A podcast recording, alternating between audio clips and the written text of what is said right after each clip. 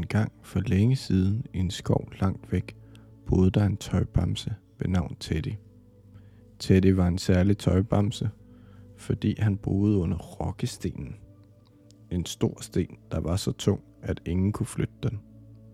Teddy var glad for at bo under stenen, fordi det var dejligt og fredeligt sted at bo. Teddy havde altid mange eventyr og historier at fortælle. Han fortalte om alle de dyr, han mødte i skoven, som egern, kaniner og ræve.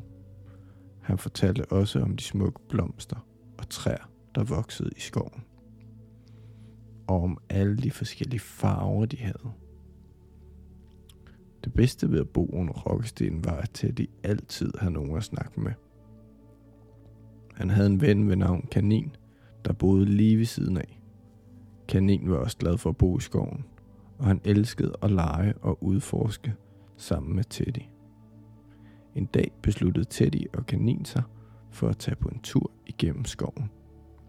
De vandrede gennem træer og over de små bække, der flød igennem skoven. De mødte mange dyr på deres vej, og så mange smukke ting.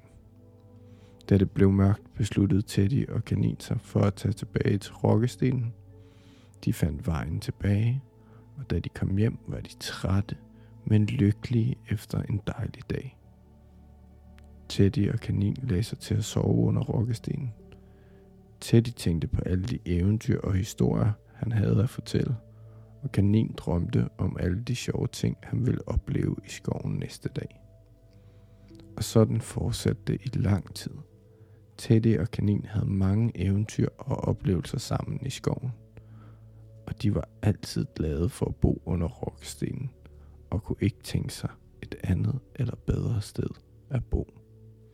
Og så snart de var faldet i søvn, begyndte skoven at synge dem en dejlig lille melodi med den mest beroligende sang, der gjorde dem klar til at opleve endnu en dag i den smukke skov.